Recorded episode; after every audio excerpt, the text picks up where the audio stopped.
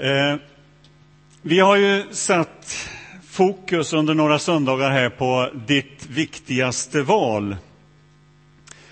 Och som Joakim sa så har vi talat om vård för själen, kunskap för livet, omsorg på riktigt.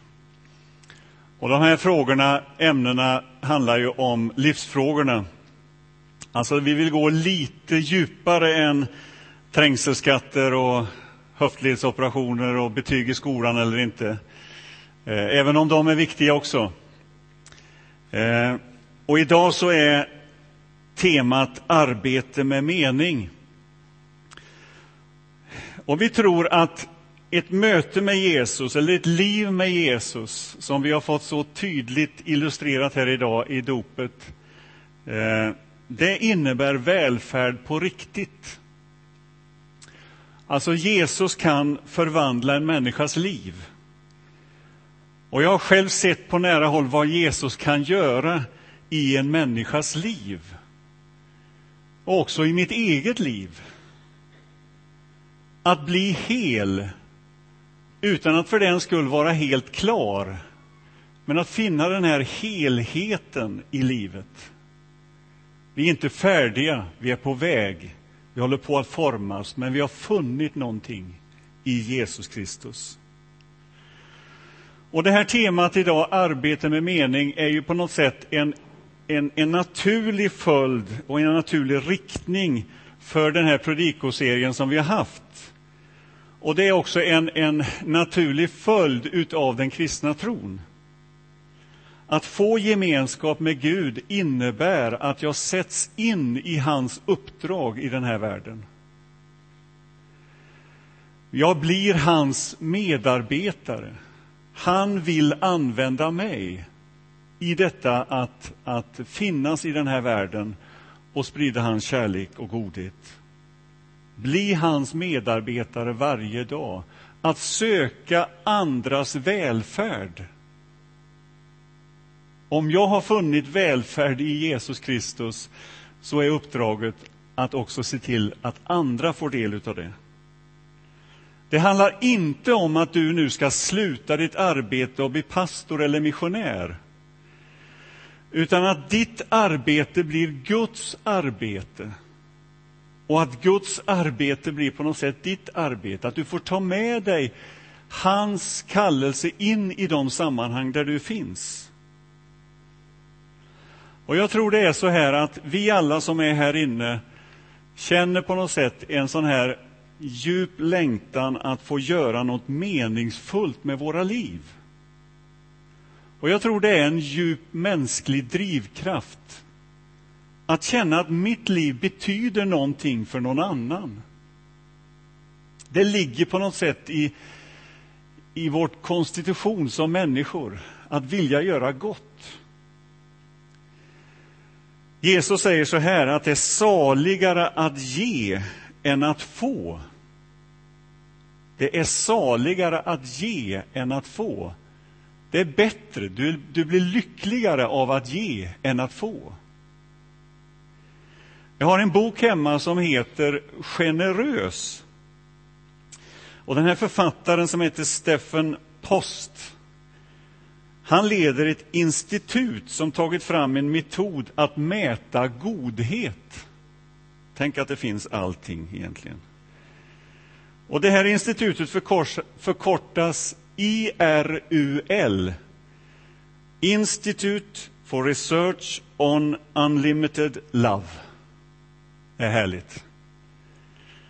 Och deras forskning visar på de här positiva effekterna som ett generöst utgivande liv och en livsstil har att göra någonting gott för någonting annat. Alltså vilka positiva effekter det får i, i, i våra liv, i vår omgivning, var vi än finns någonstans.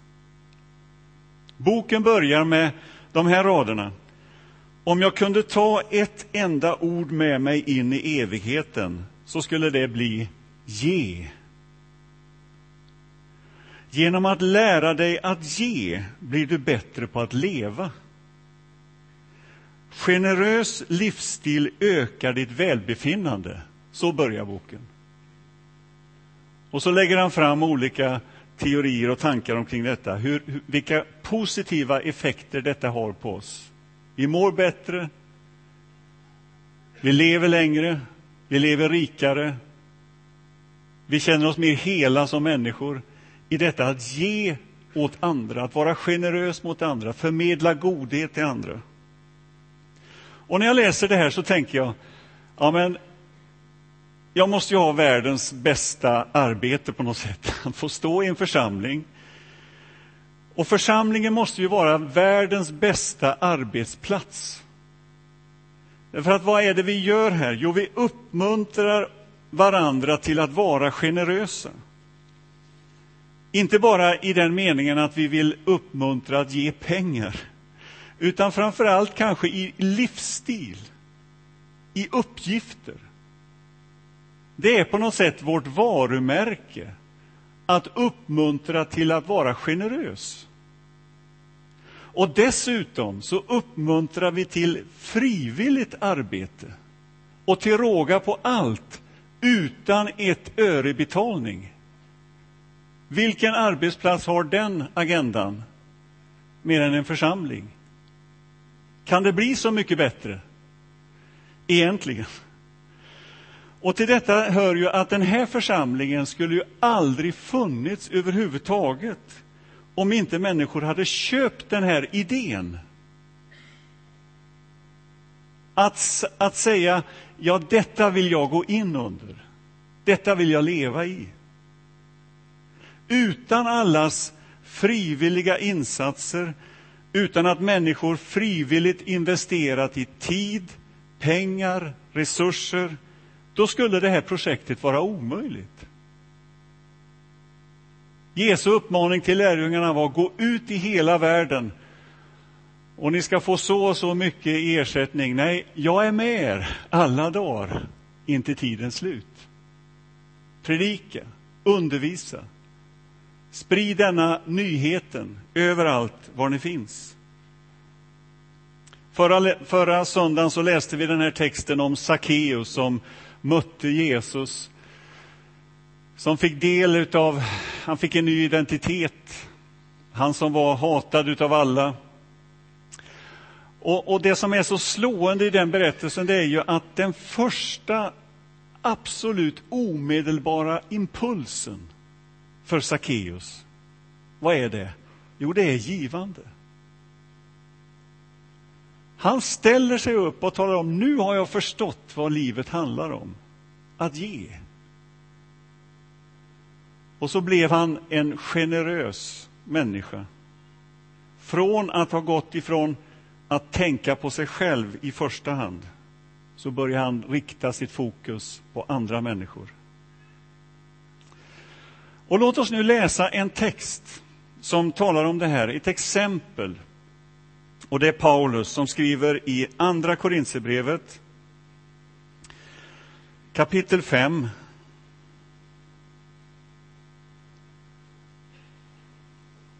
Och du finner texten på sidan som står på tavlan här, sidan 829. Andra Korinthierbrevet 5. Och vi läser från vers 11. Jag vet alltså vad fruktan för Herren är och försöker därför vinna människor. Gud vet hurdan jag är och jag hoppas att ni också gör det innerst inne. Jag vill inte rekommendera mig själv igen, men ger er en möjlighet att vara stolta över mig så att ni kan bemöta dem som skryter med det som ligger på ytan och inte, det, och inte med det som finns i hjärtat. Har jag varit i extas är det för Gud. Är jag sansat, sansad är det för er. Kristi kärlek lämnar mig inget val. Ty jag har förstått att om en har dött för alla, då har alla dött.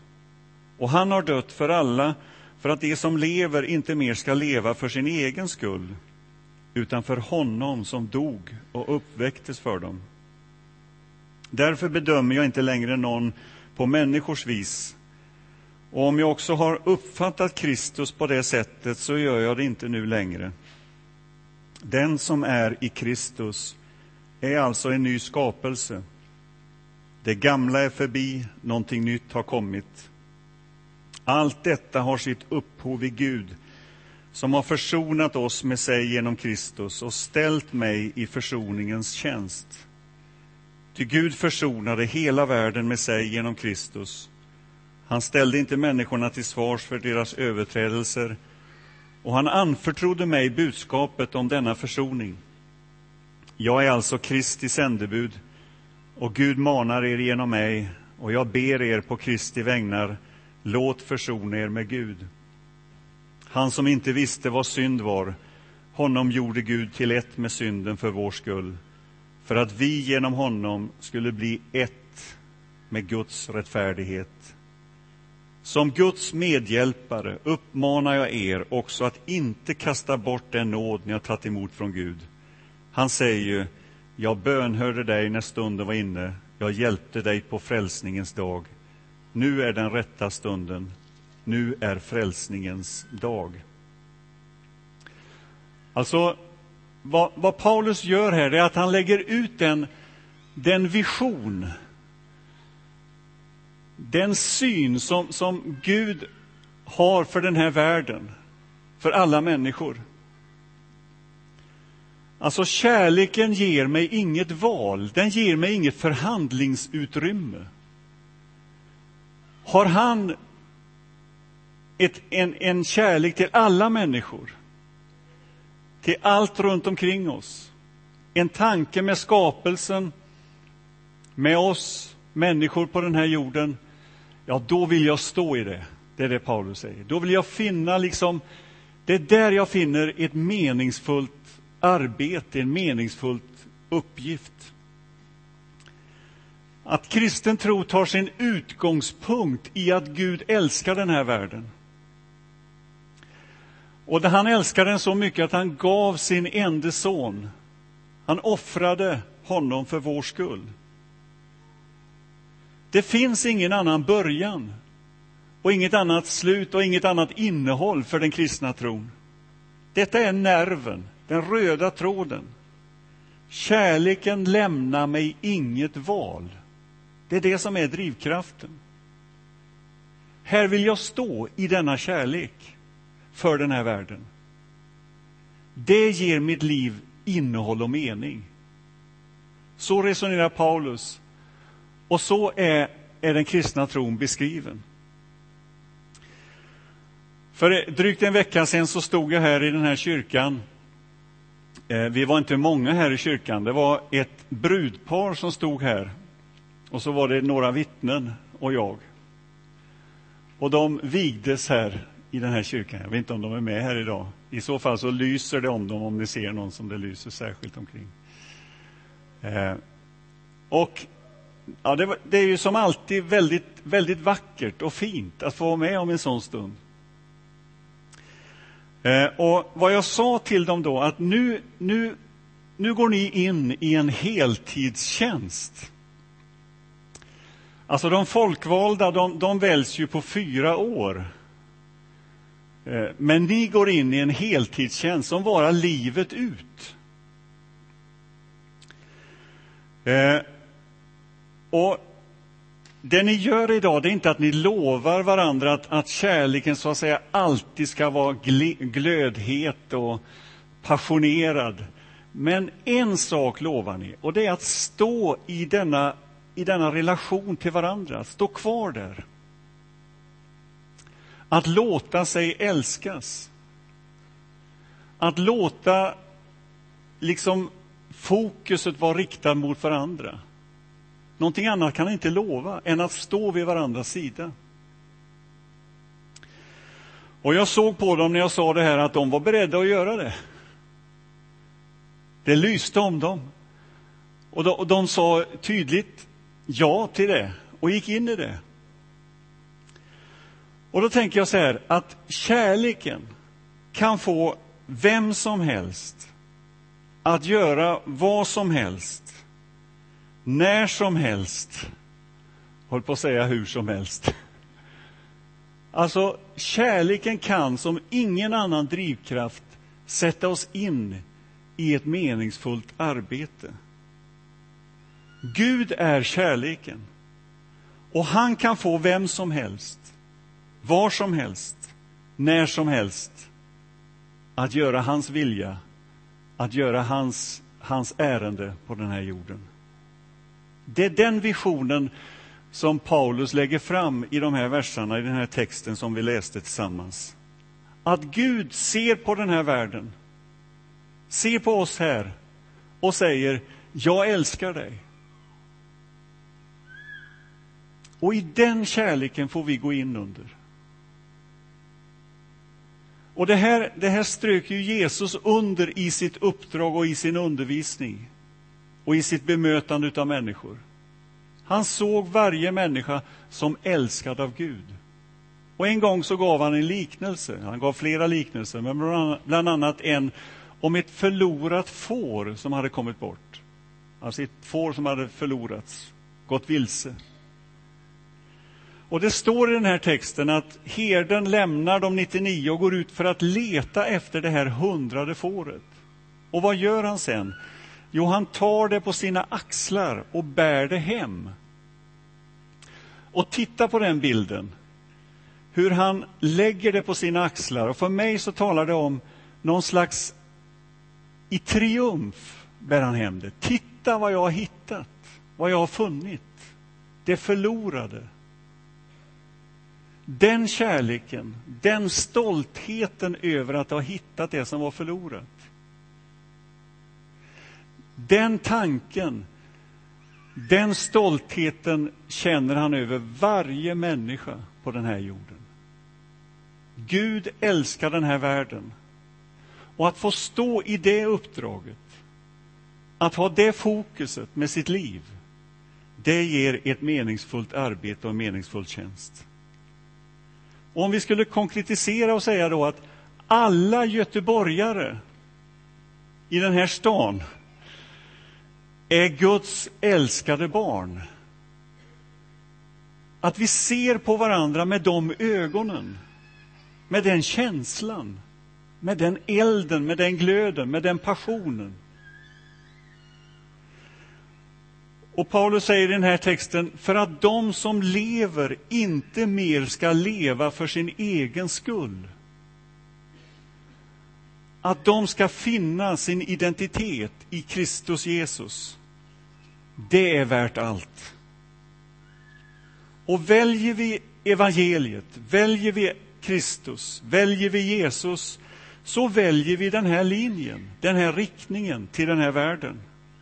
Det är den röda tråden. Och det går inte att välja bort.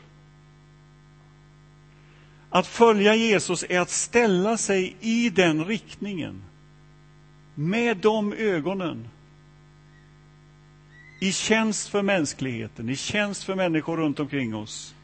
Hela tiden, full tjänst, alltid. Och efter valet, så här när vi har diskuterat och debatterat om olika riktningar i vårt land, så, så ställs ju frågan till oss, orkar vi bli kvar i den riktningen? När vindar blåser som säger att vi måste tänka mer på oss själva, att vi måste stänga dörrarna, att vi måste först se om vårt eget hus, Paulus säger, kärleken ger mig inget förhandlingsutrymme. Har han visat sin generositet och kärlek till den här världen och till mig, ja, då vill jag stå i den riktningen. Och kristen tro, det är ju att vi, vi tror på någon som har utgivit sig helt och fullt för vår skull. Och frågan till oss är, har givandet, har generositeten en plats i vår må bra-kultur? Eller tänk på dig själv-kultur? Får detta genomslag i mitt liv? I vår församlingsliv? Och här ligger en stor utmaning och en kallelse. Och denna kallelsen är ingenting annat än ett gensvar på Guds kärlek till den här världen och på honom vi tror på. Jesus är mönstret och förebilden för vårt uppdrag. Vi ser det Gud gör och det Gud ser och går in i det. Och för Paulus så var det just den visionen som var avgörande för hans arbete. Och i vers 17 säger han, den som är i Kristus är alltså en ny skapelse. Och det skulle kunna översättas en ny mänsklighet, en ny värld. Alltså han ser en vision av att ja, men här är ju alla kallade att vara i denna kärlek, i denna gemenskap. Och får jag tag i det så måste jag se till så att andra får tag i det. Ty Gud försonade hela världen med sig. Och den praktiska tillämpningen utav de här raderna som Paulus skriver, ja, den är ju oerhört revolutionerande och omvälvande. Den vanliga uppdelningen av människor finns inte längre. Alla tidigare definitioner av vilka vi är, de gäller inte längre. Och han säger i vers 16, därför bedömer jag inte längre någon på människors vis. Alltså, han bedömde inte människor vare sig utifrån etnisk härkomst eller från man eller kvinna, säger han vid ett annat tillfälle. Alltså, alla är lika värdefulla. Alla har lika stort värde. Och detta är ett budskap rakt in i vårt sammanhang, in i vårt land, in i oss, in hos oss. Hur löser vi problem som uppstår i en mångkulturell situation? Ja, det är visionen om denna kärlek till alla människor. Det är bara kärleken, godheten som kan göra någonting åt det. Och Paulus har sett den här visionen utifrån Jesu död på korset och uppståndelsen. Jag var på bokmässan här i igår och i förrgår var det bokmässa. Jag vet inte om den är slut. Eh, och där lyssnade jag till Empo Tutu, alltså dotter till Desmond Tutu, som var där och intervjuades. Hon har skrivit en bok, eller de har skrivit en bok tillsammans som heter Om godhet och varför den gör all skillnad i världen. Och det var ju oerhört fascinerande att höra på hennes berättelse. Eh, att få del av deras tankar om vad godheten kan göra i ett samhälle där det finns så mycket segregation, där det finns så mycket orättvisor. Så mycket klasser, så mycket indelat i, i, i det landet och, och deras arbete. Och i den här boken så beskriver de ett begrepp, ett sydafrikanskt begrepp som heter ubuntu. Och jag hörde faktiskt att det skulle vara ett radioprogram om just det här, program, eh, om just det här begreppet idag i radion, där man diskuterar det. Alltså det är ett begrepp man använder för att beskriva livets sammanlänkande natur. Och de säger så här i boken, en följd av ubuntu är att vi inser att vi alla måste leva på ett sådant sätt att andra också kan leva gott. Vårt välstånd ska förbättra andra människors liv, inte ta något ifrån dem. Och det är det som är, är vår stora utmaning och kallelse på något sätt. Att förändra den här världen, att alla får del av denna kärlek. Att alla får tillhöra den, den familj som, som Gud har kallat oss in i. In i den, i den gemenskap som innebär en gemenskap med honom själv. Det är välfärd på riktigt. Och i det kan vi alla vara med. Och Paulus säger så här i den text vi läser. Vi är Guds medhjälpare.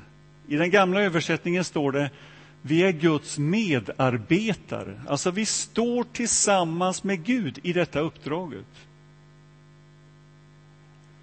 Du är en person med en egen identitet, med en egen personlighet. Ingen annan har den, bara du. Du har känslor, tankar och en egen vilja. Och Gud säger, jag vill samarbeta med dig som person. Just därför att du är unik. Och det är meningsfullt arbete. Alltså, Gud agerar genom oss på den här jorden. Han har sagt sitt ja över ditt liv och över oss alla. Och då kanske du säger så här, ja men jag är inte som han eller hon. Jag kan inte det som hon kan. Jag har inte den gåvan. Och jag skulle vilja säga så här, det är sant. Och det är just därför som Gud vill använda oss. Just därför att vi är unika.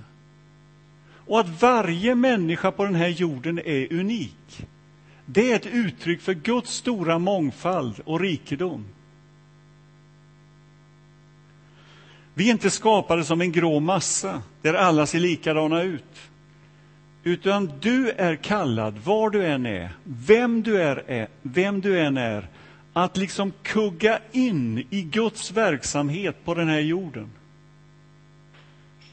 Ditt arbete blir på något sätt Guds arbete och Guds arbete blir ditt arbete. Och det blir ett meningsfullt arbete. Alltså där du finns, i din vardag, i ditt liv. Där vill Gud använda dig, att sprida denna kärlek, denna godhet, denna frikostighet, generositet som vi får uppleva i mötet med Gud själv. Låt mig få avsluta den här predikan med tre utmaningar. Och Det första är ju att, att detta med församling, det finns inget vackrare och finare. Jag skulle vilja utmana dig till att bli en del av denna gemenskap. Jag tyckte det var så härligt här förut när, när Johanna sa sitt ja till att gå in i församlingen så tog vi upp en spontan applåd. Så välkommen in i den gemenskapen. Att bli en del utav detta stora, fantastiska som handlar om att Gud ville genom församlingen visa sin mångfald och rikedom i den här världen. Den andra utmaningen är att när du kommer ner här efter gudstjänsten så finns det ett bord där som speglarna är när du kommer in. Och vid det bordet finns det några som står och berättar om olika uppgifter i den här församlingen. Eh, vi har hört några presenteras av Sara här alldeles nyss. Det finns många fler. Och det, det är en, ett fantastiskt erbjudande om att bli en del av detta. Och du kanske säger så här, ja men måste det liksom ske genom genom en organiserad verksamhet på det sättet? Nej, det behöver det inte göra. Men låt oss inte underskatta värdet utav Brunnsgatan 3. Alltså det som vi på något sätt, Brunnsgatan 3 är adressen för den här kyrkan om ni inte visste det. Eh, alltså låt oss inte underskatta värdet utav det. Att vi blir på något sätt ett tecken, en signal om yes, här kan man finna generositet, kärlek, nåd, barmhärtighet, frikostighet. Bli en del av det. Gå till det där bordet. Samtala med de som står där efteråt. Och eh, eh, vi säger så här att först till kvarn. alltså det finns uppgifter. Och Tänk vad mycket vi kan göra tillsammans. Och Den här församlingen och den här kyrkan är ett uttryck för det. Det tredje jag skulle vilja utmana till, det är i den här förbönstunden som vi alldeles strax ska ha. Jag talade förut om att vigas och vigseln, att säga sitt ja. Eh, och använd gärna den bilden om du vill, att liksom säga ja Jesus. Jag vill stå med dig var jag än är någonstans. Jag vill stå i din kärlek. Jag vill låta din kärlek genomströmma mig ut i den här världen. Inte att du ska prestera den för honom, utan att han ska få använda dig där du finns. Att du får genom ditt ja, så att säga, gensvara på hans kärlek till dig och för den här världen. Och att ledd av Guds ande på något sätt få se att varje dag blir spännande tillsammans med honom. Att se människor du möter med Guds ögon, med hans hjärta, med hans varma handslag, med hans blick. Att få stå i det uppdraget, ja, det är det mest meningsfulla man kan få vara med om. Och det blir en spännande vandring tillsammans med honom. Vem ska jag få vara till välsignelse för idag? Vem ska jag få betjäna idag? Vem ska jag få visa generositet så som du har visat mig generositet? Kärleken lämnar mig inget förhandlingsutrymme. Ty jag har förstått att har en har dött för alla, han har försonat hela världen.